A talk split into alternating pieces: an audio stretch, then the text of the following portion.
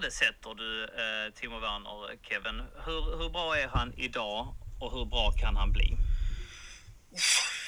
Det är det som är kanske nackdelen med honom. Ehm, jag ser självklart fortfarande potential att han kan bli bättre. Det kan eh, alla fotbollsspelare.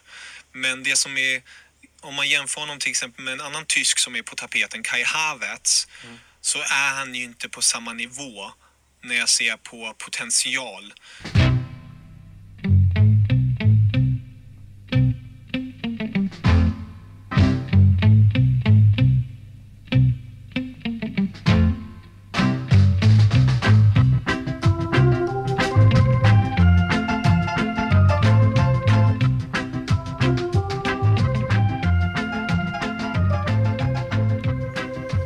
Hej blå vänner och välkomna till CSS-podden. Idag med mig Donny, din blågula avbytare på den svenska Chelsea-läktaren. Jajamensan, med coronaavstånd såklart. Idag ska vi prata lite Chelsea med utgångspunkt värvningar och utgångspunkt i en förväntad värvning i synnerhet. Men låt mig innan vi dyker ner i programmets rubrik ge er en uppdatering kring läget just nu. Till många rivaliserande fans förtret så spenderar Chelsea pengar. Man har sedan tidigare gjort klart med Hakim Ziyech för 38 miljoner pund samt Timo Werner för 50 miljoner pund. Men inte klara där. I denna stund där jag spelar in just nu har det blivit onsdag eftermiddag och rykteskarusellen går varm.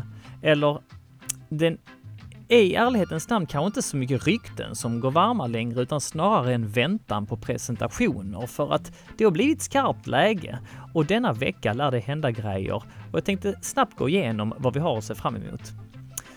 Eh, ben Chilwell, han förväntas presenteras inom kort. Vänsterback, 23 år och till ett pris på runt 50 miljoner pund, vilket i engelsk, i engelsk media beskrivs som rena reapriset. Leicester ville ha så mycket som 80 miljoner pund, alltså Maguire-pengar för honom, men corona och missat Champions League-spel gjorde att man sänkte priset. Det som i våras ryktades om ett enorm, en enorm, en enorm prislapp har alltså sjunkit till 50 och en deal förväntas bli klar när som helst.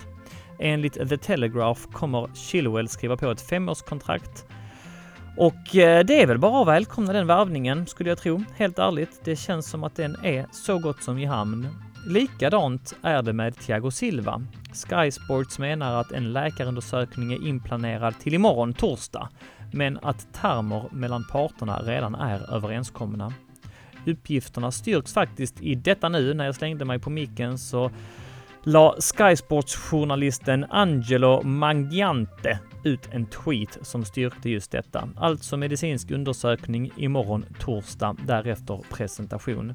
Thiago Silva ryktas gå ner ordentligt i lön för att sluta upp med Frank Lampard och kommer på en fri transfer, alltså från PSG. Det kostar inte klubben någonting i övergångspengar. Han kommer bidra med rutin, erfarenhet och bra backspel, vilket gör att värvningen känns vettig och rimlig. Kryddade med lite ledarskap och jag känner att det är nog en rätt bra värvning det här när det har fått sjunka in. En annan fri transfer som verkar vara i hamn är Malang Sarr, 21-årig mittback från Nice. Frilansjournalisten och Twitter-oraklet Fabrizio Romano skriver att Sarr nekat flertalet andra klubbar och tackat ja till Chelsea. Det ryktas dock om en utlåning direkt. Det finns andra spelare som Chelsea fortsätter koppla samman med, bland annat Declan Rice. Enligt Football Insider förbereder man en spelare plus cashbud på den defensiva mittfältaren, men detta är alltså rykten. Malang Sarr, Thiago Silva och Ben Chilwell är så gott som i hamn. Declan Rice? Nja, jag skulle säga orange ljus. Kanske längre fram, kanske nästa år, men i detta transferfönster som allt mer orimligt just på den höga prislappen. Däremot så tror jag att en målvakt kommer komma in.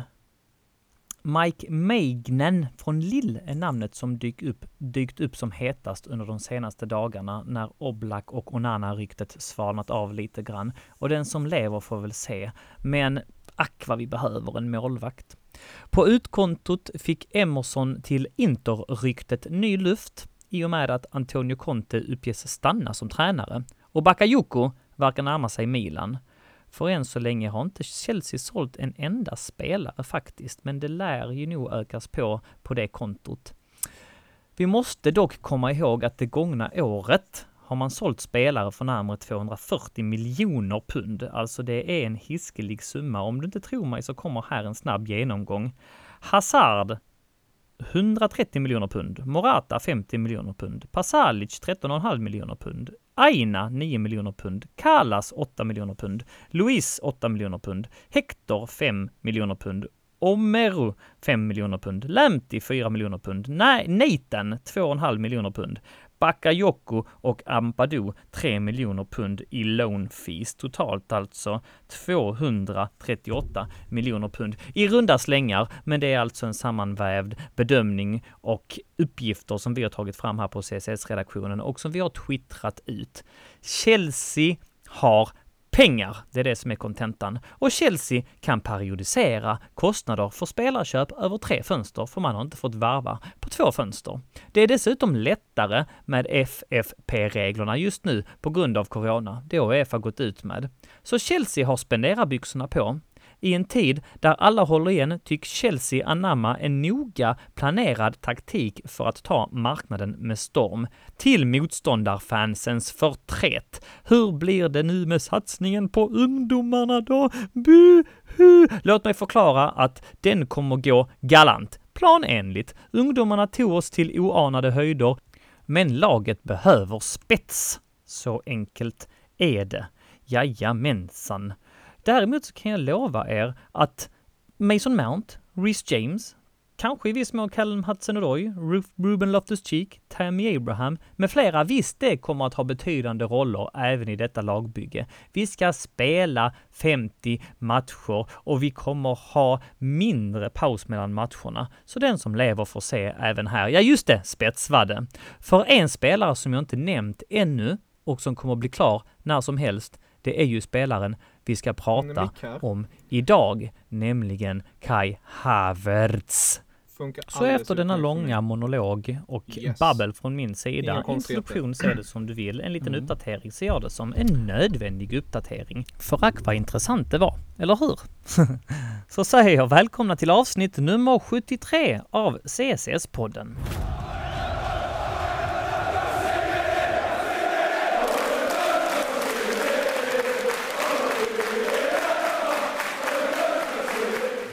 Ja, och med det så är det väl ingen idé att dansa kring detta längre, för att vi har ju med oss bloggaren, twittraren, poddaren, ja, Sveriges nya Tysklands orakel. Alla vill ha en bit av Kevin Bader nu för tiden. Och vi är stolta och glada över att han har orkat ta sig tid att gästa vår CSS-podd ännu en gång. Hjärtligt välkommen min vän. Hur är det med dig?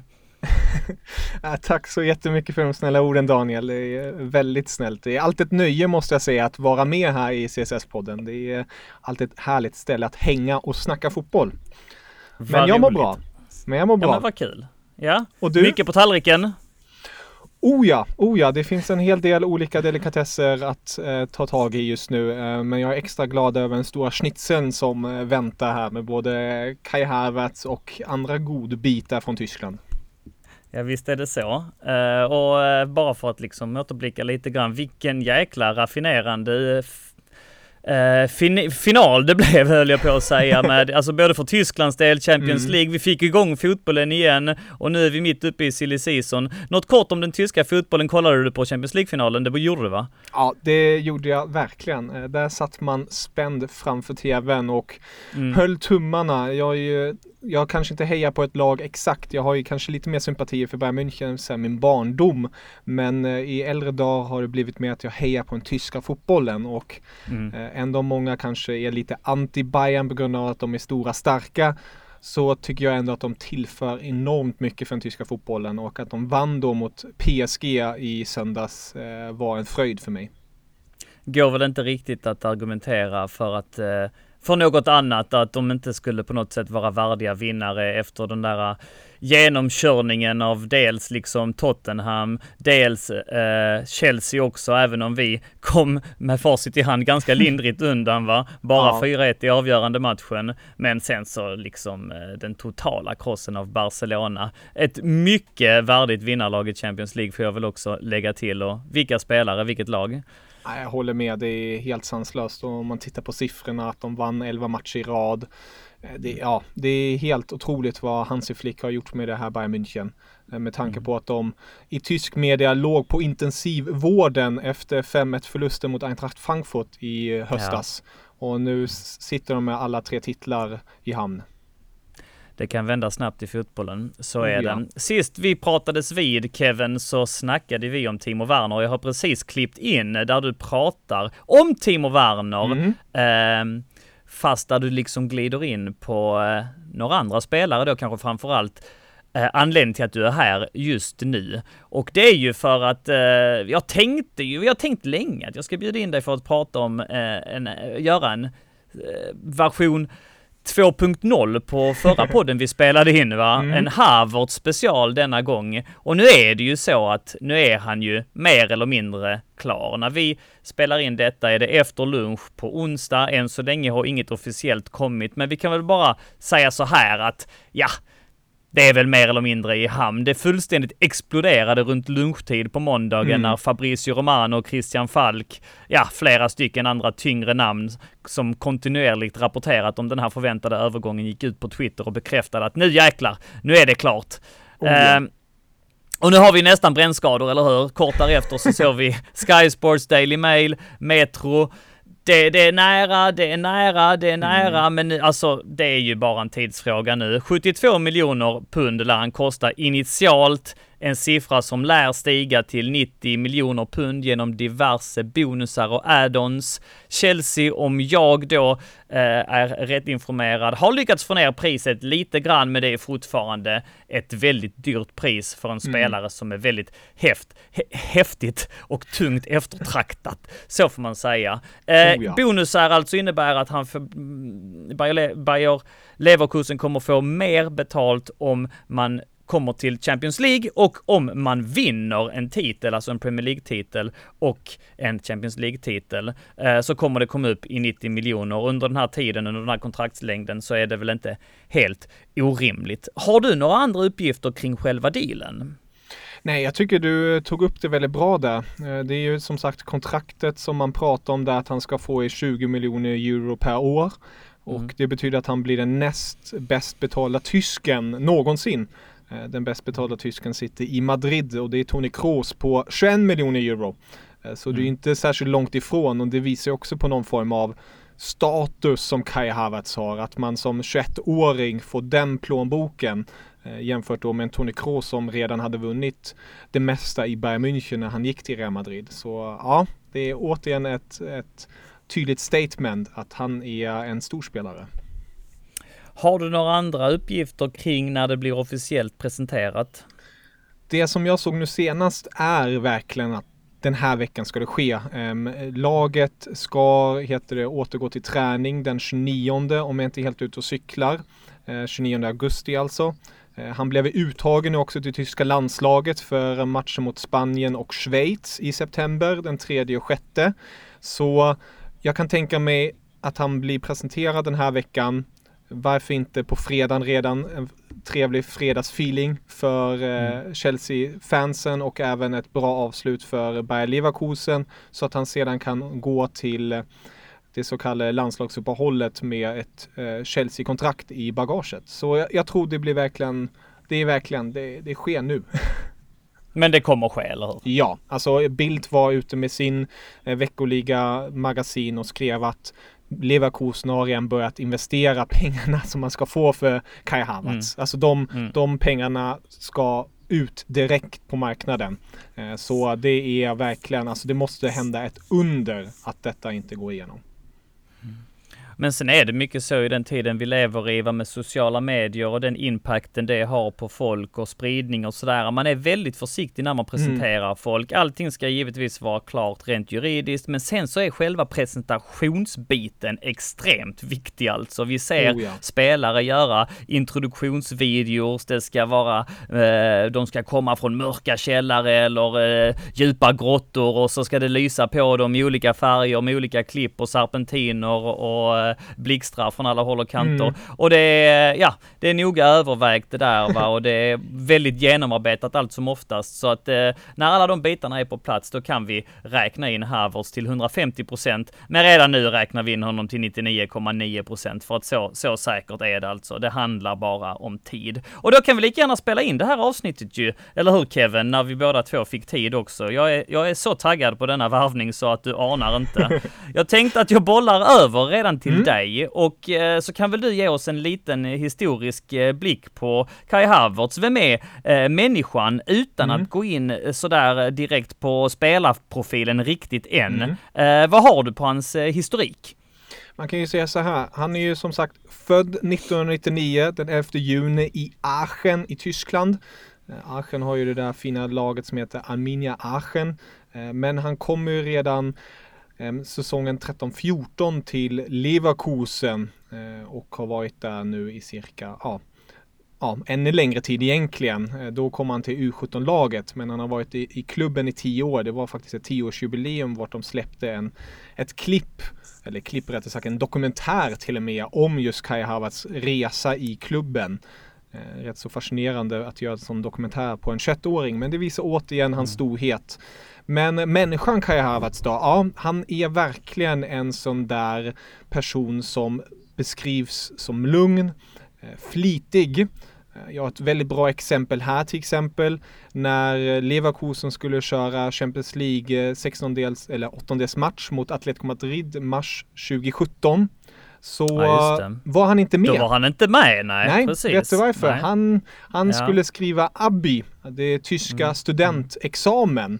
Mm. Och det visar ju också på prioritering. Han vet om mm. att han är en bra fotbollsspelare. Han vet om att han kommer få spela de stora matcherna. Men då... Och det var ändå Champions League, alltså Exakt. en kvartsfinal va? Andra eh, matchen i kvartsfinalen som de dessutom förlorade. Precis. Som han valde och, eh, eller valde, bli rådgiven, eh, diskuterade fram och tillbaks. Det är bäst att du faktiskt eh, fixar de här testen ja. Skol, alltså att skolbänken fick gå före där va?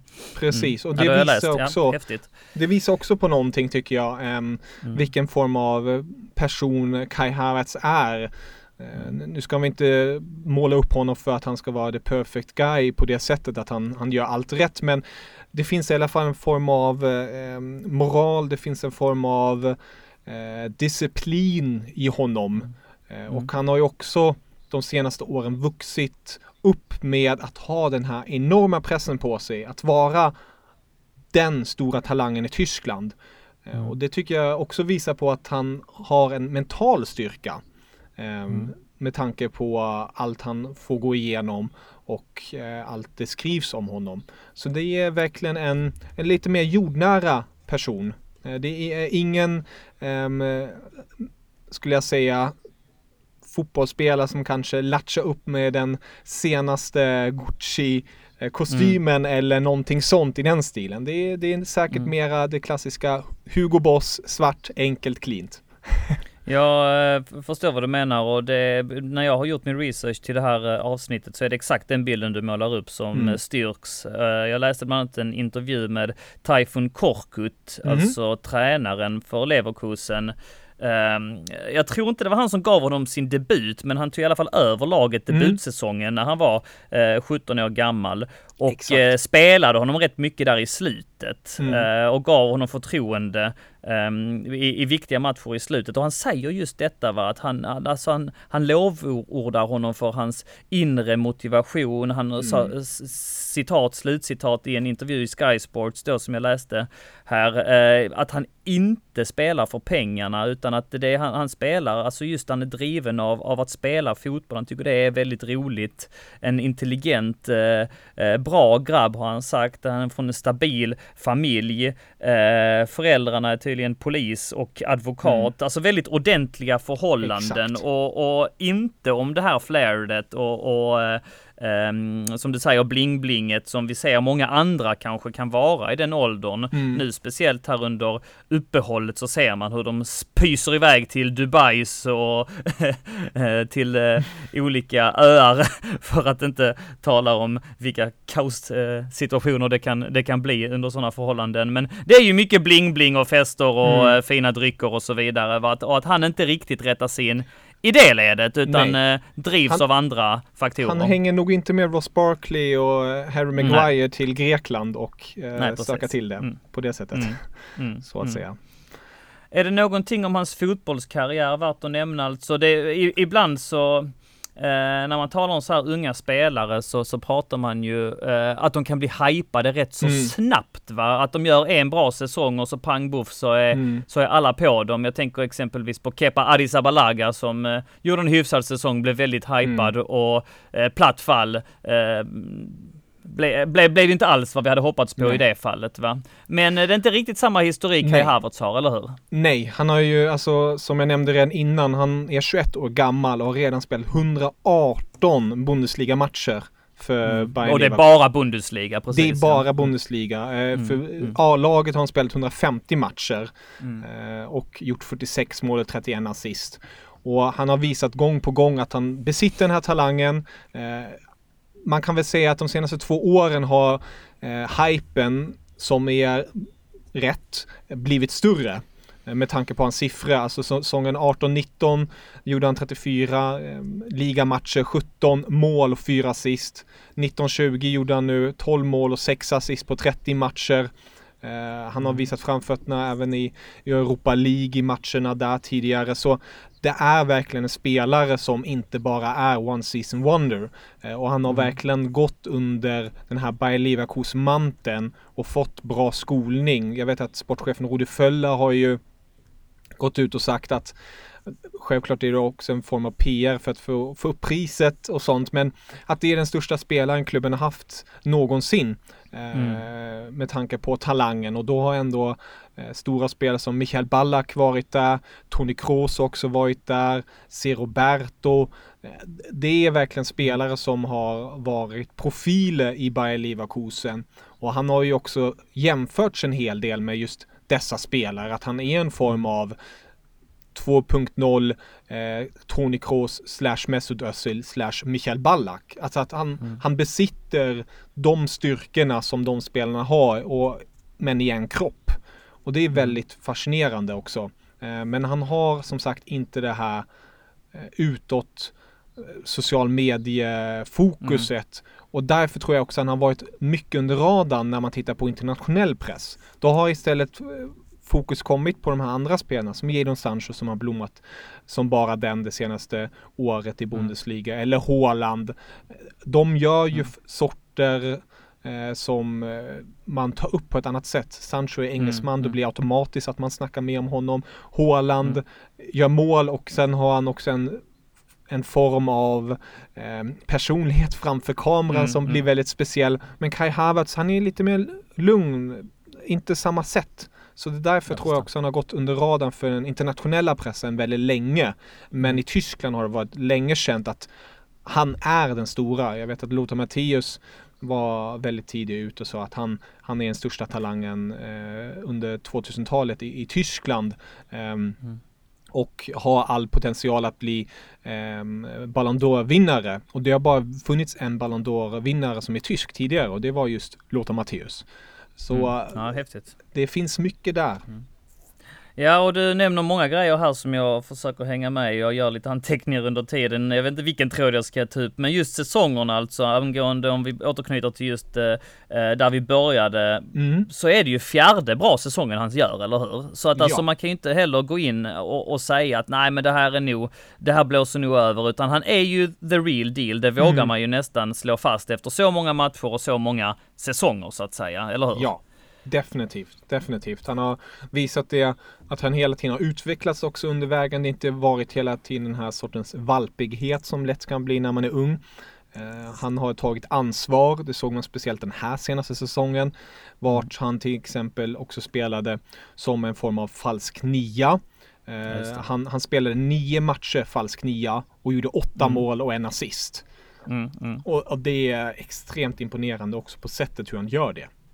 Och just hans mångsidighet kommer vi gå in på lite senare, men jag tänker vi håller just kvar på hans eh, tidigare, eh, just debuten och lite mm. grann historiken innan vi går över på det. Och debut alltså 2016, 17 år gammal och 126 dagar. Mm. Det var han alltså yngst med Leverkusen i Bundesliga någonsin.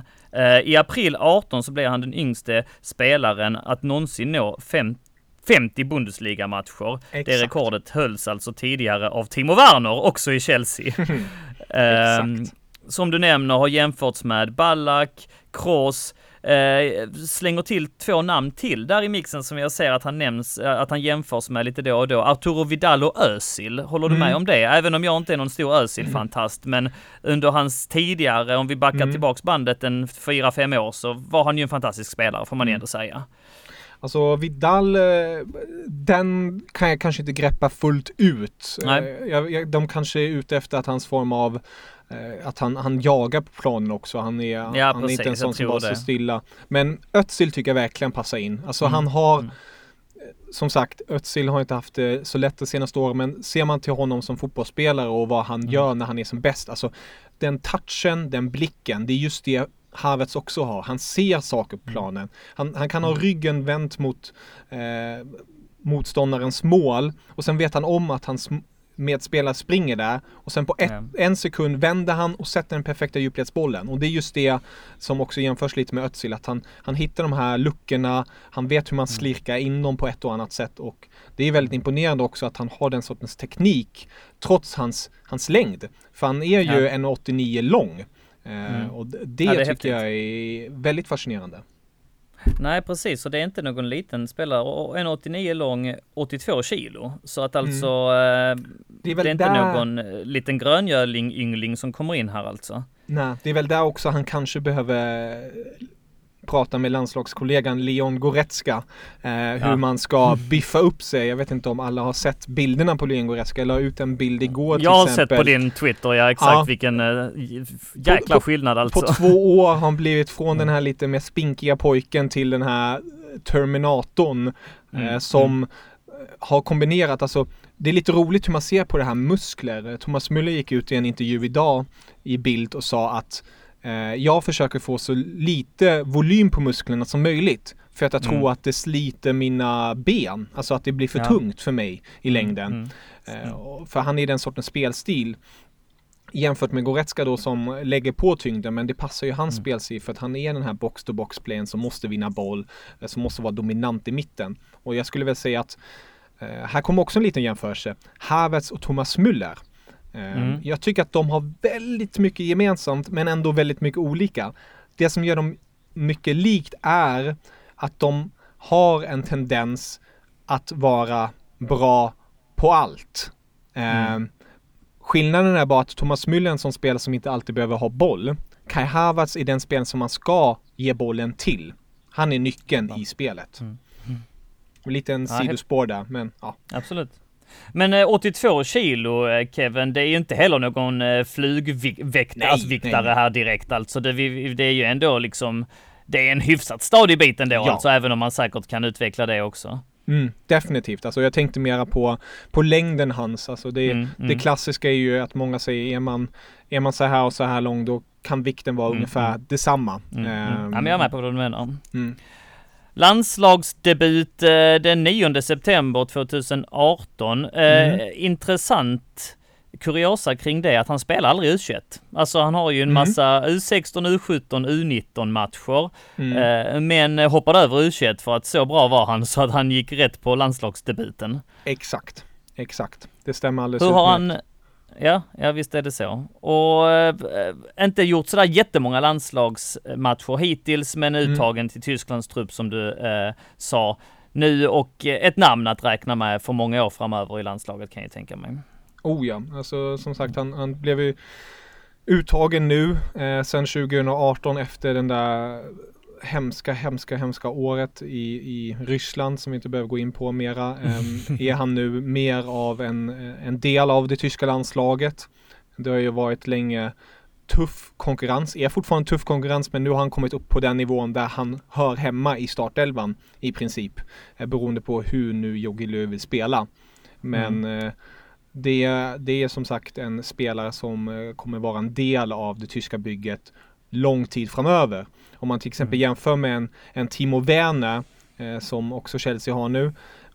Han tror jag inte har samma säkerhet i tyska landslaget. Inte på grund av att han är dålig eller så. Han är grym och han, han kan tillföra en hel del. Men Kai Havertz har en helt annan form av nyckelstatus.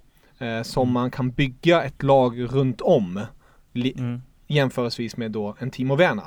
Där, där passar han in i ett spelsystem eller han passar inte in i ett spelsystem. Så det, det är lite, ja, lite annorlunda situationer för de två. Mm.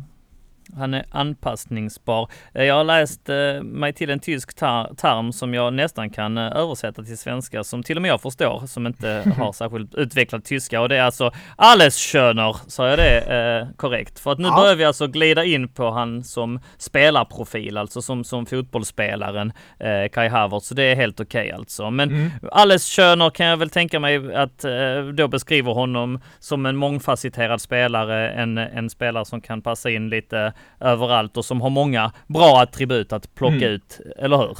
Precis, alltså det är ju det som gör honom så så fascinerande och jag kan tänka mig också lite frustrerande när man försöker analysera honom, titta på honom mer och mer. Um, mm. Man tittar, kan han där bra? Uh, passningar, ja, utmärkt. Teknik, mm. trots storlek, ja. Kan han nicka? Ja, någorlunda. Mm. mm. Speed, mm. ja. Där har jag till och med mm. lite stats på det. Han han mm. mättes upp till 35 km i timmen eh, i, i Bundesliga och det här heter det var för något år sedan. Så han, han har ju en, en, en komplex spelartyp som gör så att det inte finns någon riktig svaghet. Det är som mm. återigen Thomas Müller där. Om man spelar honom på Fifa då ser man att statsen är bra överallt. Det är så här, mm. Mm. vad kan du inte? Um, och det är väl det som gör honom så bra. Han är bra på det mesta och riktigt bra på vissa saker.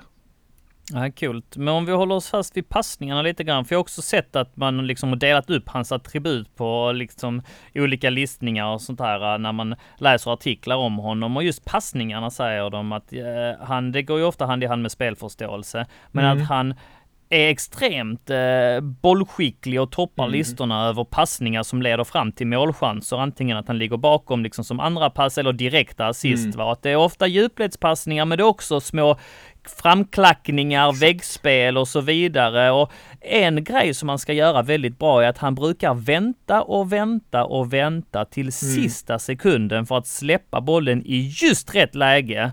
Och han tar alltid rätt beslut. Mm. Du, du är helt rätt på det Daniel där. Det är någonting mm. som också han har utvecklat bättre de senaste åren tycker jag. Det var tendenser för ett par år sedan vart man kände okej okay, du håller den, släpp den, släpp den, släpp den då. Och sen mm. ibland kanske blev för mycket. Men just det har mognat i också. Att han mm. väntar till en, det 100% rätta momentet att släppa bollen i djupled. Såg man väldigt mycket i slut på den här säsongen när han spelade falsk nia och blev som en form av framspelare till många lägen, hockeyassist och så.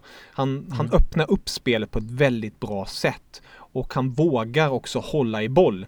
Eh, både på mm. eh, stora ytor eh, men även små ytor när det är tajt. Mm. Nej, jäkligt coolt alltså. Um, rörelsen nämner vi där också. Hitta ytorna uh, gör han mm. ju exceptionellt bra.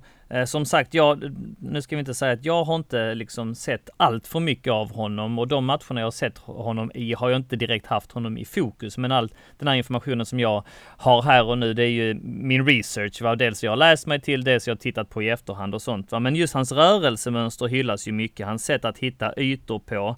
Mm. Um, ett extremt stor fotbollshjärna liksom. Han vet exakt var han är på planen, var han står och han hittar luckorna och när en lucka täpps till så rör han sig till en ny. Eh, mm. och han liksom kontrollerar inte bara bollen utan ytorna också. Är det någonting exakt. du eh, håller med om? Jag, jag håller fullständigt med där. Han, han behärskar både bollen i sig men även som du är inne på, ytorna eh, och att skapa dem också på ett sätt. Eh, och att som en regissör till en film, alltså regissera sina medspelare att hitta de här ytorna. Du, du ska gå mm. där eller visa med sitt kroppsspråk, gör det här. Eh, och det är väldigt häftigt att se tycker jag också. Eh, jag tycker han, han påminner mig också i just den här tekniken och längden och funktionaliteten som man besitter i de här små ytorna. Det är lite så här Berbatov, nu, nu är det många namn vi nämner här men ja. det, det, det, är lite roligt att, att ta, ta plocka ut de där russina. För det, mm. det, det är något med Havertz att eh, det, det, ser så speciellt ut ibland också hur han får fram bollen. Det, mm. det här långa benet som på något sätt gör någon konstig vrickning och bollen hittar ytan bakom spelaren eller framför. Mm. Alltså det är fascinerande. Uh, hans näsa för mål är en sån grej som han utvecklat de sista mm. åren också. Uh, du nämnde det lite tidigare, men eh, statistiken jag fick fram här som är lite intressant i sammanhanget är att han gjorde åtta mål på sina första 67 matcher mm. för uh, Leverkusen, men att han har gjort 38 mål på sina mm. senaste 87 matcher. Ja. Stämmer. Och många olika mål, eller hur? Ja, väldigt mycket olika. Allt ifrån att han får djupledsbollen och springer till att han eh, tar skottet, eh, nickar till och med ibland. Så det, det, är, det finns en form av eh, mångsidighet där också. Eh, och det har också spelat mycket roll om, av hur han har spelat på planen. Har han haft utgångspositionen från höger, från vänster, central anfallare eller har han spelat som offensiv mittfältare? Så det, det är mycket beroende på vart han ställs på planen, men han har visat gång på gång att han, han hittar målet oavsett vart han står.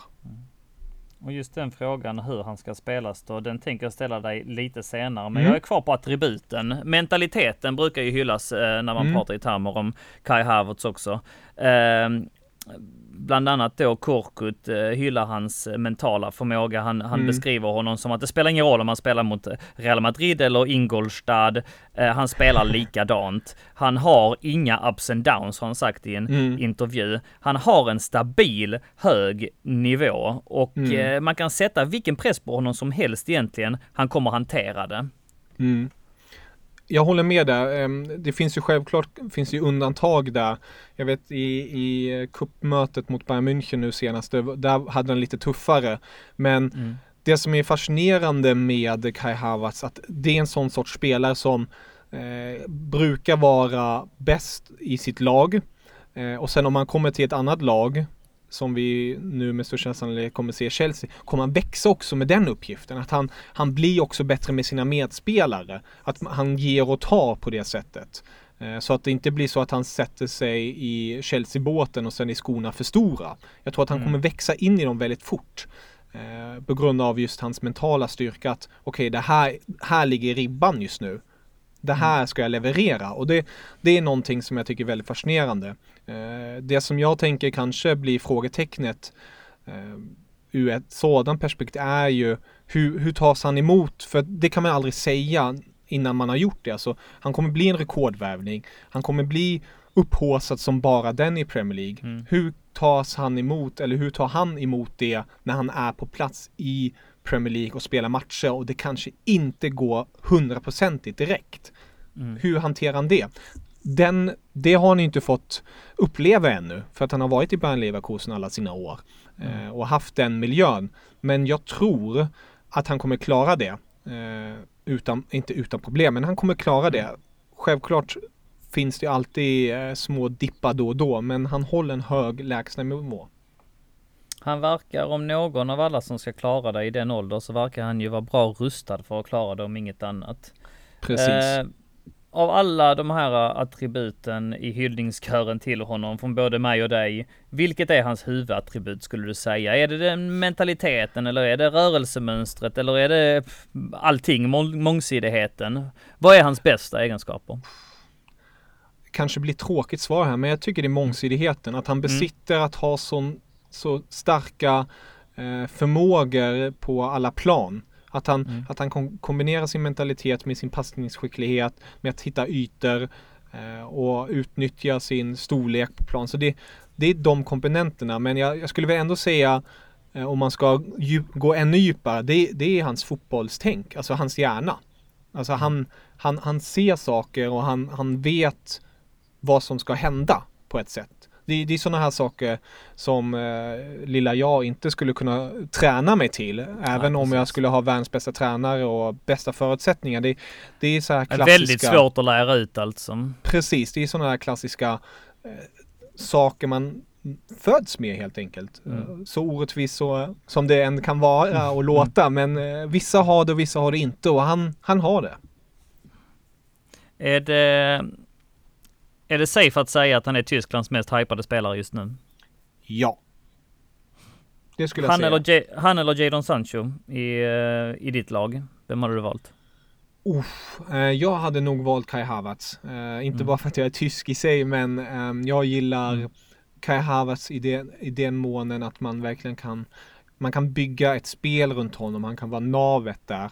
Uh, och jag tror också att det är någonting han kommer bli i det tyska landslaget. Sen kommer det vara vissa spelare som kommer vara ovanför honom, alltså rent hierarkiskt. Alltså jag tänker på en Joshua Kimmich är ju um, det är min personliga ja. favorit, favorit. Herregud vilken spelare det är alltså. Det, Shit alltså, han hittar nya nivåer och imponerar ja. en på alltså. Han är, han är man beskriver, vissa beskriver honom som, eh, alltså rent mentalmässigt, som Lothar Matthäus. Och jag vet inte om alla vet mm. hur han var utanför planen eller på plan. Han var en sån där vinnarskalle, alltså sån jäkla vinnarskalle. Mm. Eh, jag har ett roligt exempel här i, i Champions League mot eh, Barcelona, vart han, han skriker åt Alaba att han gör fel inkast. När de leder med 8-2. Alltså det, det finns en sån där du ska fan vinna allt på planen. Mm. Alltså spela ingen roll vad, vad, hur mycket det står, vinn varje sak.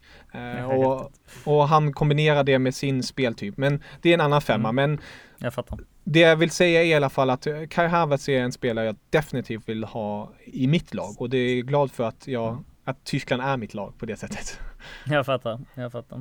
Eh, när man kollar på lite just taktiska analyser eh, runt omkring på nätet så eh, är en grej som ofta nämns att eh, han blir ännu bättre. Alltså han, han passar ju in Många är överens om att han passar in i vilket lag som helst just på grund av hans mångsidighet. Han kan spela på kanten, han kan spela i mitten, han kan spela falsk nia. Du har nämnt det tidigare. Men att han blir ännu bättre om man spelar med löpskickliga spelare.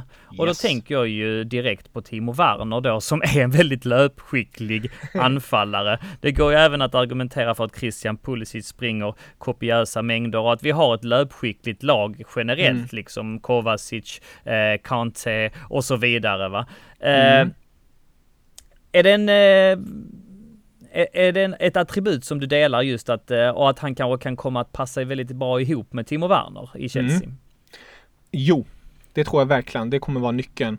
Och precis som du nämner det också med Pulisic och sånt. Man kan ju jämföra lite vad han har haft nu vid Bayern Leverkusen. Han har haft spelare som eh, Diaby, Bailey, Belarabi på kanterna och Kevin Folland i anfallet som är duktiga på att löpa i djupled och utnyttja sin speed.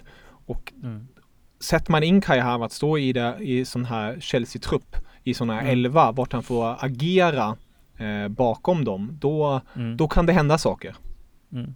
Ja, Mason Mount är också en sån som brukar springa kopiösa mängder liksom och mm. hitta ytor och sådär. Det, det, kan bli Det kan bli intressant att följa. Mm. Oh ja, oh ja. Visst är det så. Om vi pratar lite svagheter då, eh, Kevin, finns det några sådana? Inga så här det här är han dålig på skulle jag säga. Eh, självklart kan han finslipa sitt eh, försvarsspel. Eh, och bli starkare där. Eh, mm. Han vinner boll också men det är inte det han, han är bäst på. Men då kan man också ifrågasätta, är det ens det han ska göra på planen? Mm. Ehm, så jag skulle vilja säga att han kommer bli bättre också med tiden. Ännu bättre. I och mm. med att han kommer utveckla sitt fotbollstänk. Han kommer utveckla den här touchen ännu mera. Så man har verkligen något att se fram emot ännu mera på det sättet att det är som det klassiskt klyschiga sagt. Det är som ett vin som bara blir bättre. Mm. Även om det här vinet redan är premiumprodukt så kommer det bli ännu bättre med åren. Det, det, det säger du alltså? Mm. mm det skulle jag säga. Eh, Chelsea spelar ofta 4-3-3. Eh, mm. ibland 4-2-3-1. Lampard är en sån tränare som eh, anpassar ofta spelsystemet efter de spelarna han har och vilka som är tillgängliga och hur man spelar bäst och han har hattat runt lite grann. Eh, vilken är Kai Havertz bästa position på planen? Jag tycker att han spelar som bäst när han får spela som en form av tia. Alltså Mm. när han får vara bakom anfallaren. Eh, I ett det- då alltså 4-2-3-1. Precis, alltså så att han ska spela i mitten där alltså av Mm. de tre offensiva mittfältarna. exakt, antingen spelar man 4-2-3-1 eller man, Mm. om, beroende på hur man vill skifta den här 4-3-3, att man har en spets framåt istället. Istället så kan han vara den här spetsen framåt. Men Eh, det så, förutsätter att Timo Werner är på bänken, eller hur? eh, där tycker jag då att Timo Werner ska vara anfallaren. Alltså att eh, Kai Havertz, om man ser på en 4-3-3 uppställning och sen har man då en spets i mittfältet. Ah, okej. Eh, så det skulle vara alltså Kovacic, Kanté och eh, Havertz då alltså på Exakt. det centrala? Ah, okej. Ja, Precis. intressant. Mm, för det tror Det jag hade alltså- gått alltså. Han kan, han kan utgå från så djupt ändå. Va? Du förstår att du menar att han vi ska kanske spela eh, lite längre fram än vad Kovacic och Kante skulle göra. Men det är ändå en djupare roll än vad jag ser honom i. Exakt, alltså jag vill ju helst se honom i 4-2-3-1 uppställning, att Jag han är den här Mm. och får, för jag tror att både Havertz och Werner kommer gynnas. Vi, vi sa det ju i förra avsnittet när vi spelade in Werner specialen, att Werner Mm. behöver en form av partner där framme. Han har ju haft Paulsen, han har haft Schick den här säsongen. En stor spelare som suger åt sig bollen så att Werner sen kan göra den här urlöpningen och hitta luckorna bakom backlinjen. Och just det tror jag Kai Havertz och Werner kan hitta tillsammans. Werner är spelpunkten, man hittar honom. Eh, förlåt, Havertz är spelpunkt, man hittar honom. Werner håller sig nära för att sen hitta djupledslöpningen som Kai Havertz sedan passar fram till. Eh, och där tror jag kommer vara en viktig nyckel för Chelsea att hitta just det samspelet. Och det finns där, det, det tvekar inte en sekund på. Sedan kombinerar man det då med eh, yttrarna som man har i Chelsea som redan håller en hög klass tycker jag med Pulisic, med Hudson Odoi som är på väg Mm. där bakom och även Sejek, Sijek, ja, jag är ledsen, jag kan aldrig uttala Hakim hans namn. Ja. Tack så mycket. Ehm, så Mm. där finns det mycket att ta, men jag tror nyckeln verkligen och eh, jag hoppas att Lampard ser det och jag tvekar inte en sekund, han, han kan ju det här mycket bättre än jag. Men att han verkligen Mm. utnyttjar eh, Werner och Havertz på det här sättet, att man hittar samspelet där. Att man nästan blir som två anfallare ibland. Alltså om man kör en 4-2-3-1, att på planen kan det se ut som, vänta, är Havertz också en anfallare? Nej, han hittar ytorna för att få bollen för att sen Havertz kunna eh, löpa i djupet. Alltså att man har det samspelet. Mm. Ja, nej alltså det blir eh, sjukt spännande att följa. Men vad tror du? Vad, eh, är det här en match made in heaven? Kommer han lyckas Chelsea? Jag vill se att han kommer lyckas. Eh, Och jag, jag har svårt att se att han ska misslyckas på det sättet. Eh, det var lite som vi var inne på tidigare här. Det, jag tror det är en lång väg att gå att han ska bli den här dominanta. Jag tror det kommer bli tufft. Eh, som sagt med fysiken, med pressen och sånt. Men jag tror definitivt att han kommer leverera. Eh, och med tiden, får man så här, nöta in det här, då kommer det bli jävligt, jävligt bra. Och det tror jag ändå att vi, vi kan förvänta oss. Alltså att, att det, kommer, det kommer rulla. Eh, Sedan hade du sagt för ett år sedan att Kai Havertz skulle gå till Chelsea skulle jag bli väldigt förvånad. Eh, först och främst. För att det, det är väldigt speciellt år, det måste man också komma ihåg att skulle inte corona ha funnits då hade det varit väldigt många aktörer där ute som skulle vilja ha honom. Eh, Mm. Men jag tycker nu ändå, tittar man på de andra toppklubbarna eh, och vad de har och vad de behöver och vad de är ute efter så är ändå Chelsea perfect för, eh, Mm. För Kai Havertz. För att de behöver den här offensiva spelfördelaren, det här navet där framme som kan göra det där lilla extra. Eh, Både hockeypassningsmässigt men även kanske på egen hand. Ehm, och då, då har man verkligen hittat rätt. Alltså det är ju lite det, jag har ju varit en Barkley-fan själv tidigare. Eller tidigare, men eh, för att jag tycker han påminner mig mycket om en engelsk ballack på ett sätt. Ehm, men tyvärr har han inte alltid lyckats nå de höjderna som man kanske förväntade sig. Nej, Eh, och jag tror Kai Havertz kan vara just den spelare man har sökt efter. Mm. Och eh, när, man, när du säger det att, eh, som man har sökt efter så är det ju lite grann som du säger att det är ju inte att man har sökt efter honom med ljus och lykta utan det är ju nästan att eh, eh omständigheterna har fört dem samman. Det, det, är lite corona, det är lite det mm. att Kai Havertz kontrakt går ut 2022. Mm. Eh, han är, är, mogen för en ny utmaning. Eh, andra lag är inte riktigt där och nosar utan det är bara Chelsea som intressenter.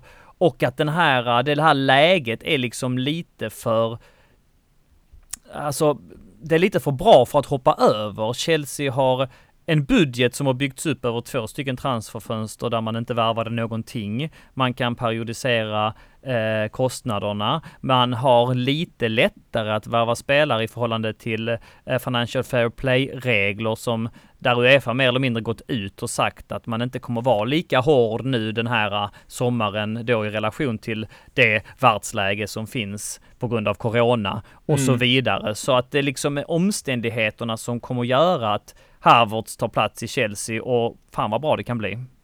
Ja, verkligen. Alltså det, mm. med tanke på också vad Chelsea håller på nu. I detta nu fick jag precis ett pling att Thiago Silva ska presenteras imorgon i Chelsea. Eh, mm. Uh, det är ju också en sån där uh, nyckelfigur som jag tror verkligen kan vara en av säsongens bästa värvningar med tanke på att han kom på free transfer. Alltså det, mm. det händer mycket i Chelsea-lägret och uh, det är ett, ett spännande bygge. Mm, mm. Ja, verkligen, verkligen. Nej, vi är väldigt exalterade här va och har haft en säsong nu där många ungdomar har tagit oss till oanade höjder. Vi fixade fjärdeplatsen, eh, men det här laget behöver få in lite spets, lite kvalitet. Jag och du har pratat om det tidigare också och det är det som håller på att hända nu och det är verkligen super, superroliga tider att, eh, att följa Chelsea. Ehm, har det varit ett tag, men ännu mer spännande just nu. Uh, Kevin, jag, tänk, uh, jag tänkte att vi ska uh, så smått runda av. Är det någonting som du tänker att, ja men det här fick inte jag sagt angående Kai Havertz. Det kan vara vettigt att lägga in, så har du möjlighet nu. Kommer inte på något konkret så, men jag, till alla Chelsea-fans där ute och för Kai Havertz ankomst, um, ta emot honom med värme. Mm. Självklart var kritiska om det inte levererar direkt, men, men ha också tålamod. Eh, mm. Om det inte skulle bli perfekt på första dagen. Eh, det här är verkligen en spelare som sitter på sån enorm talang. Vi har sagt det nu under hela avsnittet, men yeah. det stämmer verkligen. Det här är, den här killen vill man inte slänga i sop, soppåsen efter ett halvår. Nej, jag fattar. Och det är inte så här att det är jag och du som säger detta, utan ja visst, i Nej. ditt fall så är det ju mycket du och dina egna erfarenheter. I mitt fall är det mycket vad, vad jag har läst mig till, vad mm. experter mm. har skrivit, vad medspelare har skrivit. Jag vet om att målvakten i Leverkusen, som jag har tappat namnet på, som när han kom upp i alla fall, har hyllat honom väldigt mycket. Eh, återigen, Föller har ju säkert sin dolda agenda med det, men, men ändå tokhyllat honom. Typhoon mm. Korkut som sagt, det är många intervjuer där, där man pratar i extremt eh, goda termer om denna fantastiska 21-åring som ändå har varit med länge, ändå har gjort sig ett namn, förtjänat att ha gjort sig ett namn och som jag tror kommer ta Premier League med, med storm. Eh, mm. Detta är ett intressant Chelsea och ett intressant lagbygge han kommer ansluta till och han har de attributen Alltså det är ingen kille som har lallat runt i någon eh, låtsasliga heller. Nej. Han kommer ju från eh, en jättebra liga i Europa va, så att eh, spelat på den högsta nivån. Nej, jag tror att det här kan bli riktigt bra. Även om du, eh, din vana trogen, vill eh, tona ner förväntningarna lite här avslutningsvis så tror jag nu att man kan förvänta sig att han går in och blir nyckelspelare redan första säsongen. Det är ingen spelare man varvar för att låna ut Nej, direkt, så kan man väl verkligen säga. inte. Eh, bli, bli, bli lite magknip nu hur man ska hantera fantasylaget med alla intressanta Chelsea-spelare. Det, det är givet ja. för mig att ha Kai Havertz och Timo Werner men sen mm. är man ju också intresserad av andra um, Chelsea-spelare såsom Pulisic eller en Thiago Silva nu med största sannolikhet. Så ja, det, precis. Ja, ja. Mycket, mycket kul på gång. Jag finns här ifall du vill uh, bolla idéer så kan jag rådgiva dig längs Tusen tack hela vägen, ja då, inga problem. Eh, med det Kevin så börjar vi runda av. Jag tänker att för er som är lite och blivit taggade på Kai Havertz Eh, kanske på grund av denna podd nu när ni har fått veta lite mer, kanske varit det sedan tidigare eh, och vill veta mer om honom så kan man alltid följa honom på @kaihavertz29 på Instagram och @kaihavertz29 på Twitter. Mm. Eh, vill man följa Kevin Bader på Twitter så är det Kevin Bader och klacken nu i ett ord på Twitter också. Fantastiska kanaler.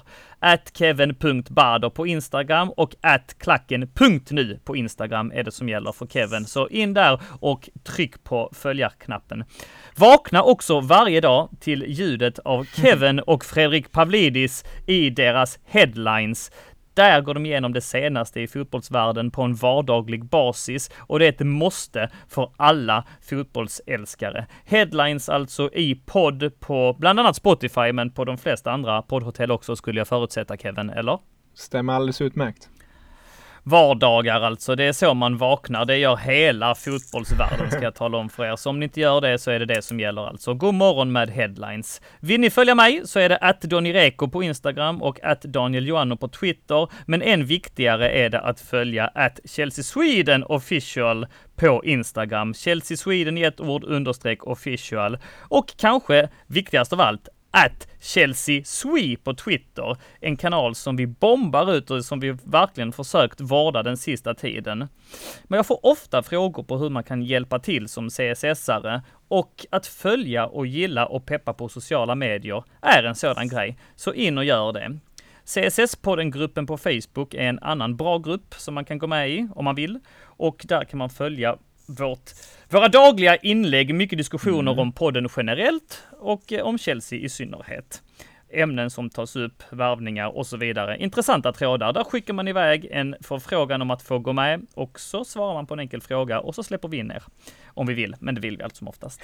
Annars följer man också vårt arbete på vår hemsida på Svenska fans. Vill man följa andra CSS-are på Twitter så är det att Fredrik Pavlidis, att Fredrik Temmes, att W Sjögren 96, att Stalberg, Kevin och att Hundsur som gäller alltså. Jag tackar jättemycket Kevin Barder för att han har tagit sig tid att komma hit i mina lurar. Du kommer inte hit, du finns ju där med din fagra stämma så det blir lite tokigt, men du förstår nu vad jag menar. Stort tack Kevin och eh, på återhörande. Stort tack själv och verkligen på återhörande så njuter vi nu av det här. Verkligen. Carefree och up the chels! Auf Wiedersehen! Fantastiskt.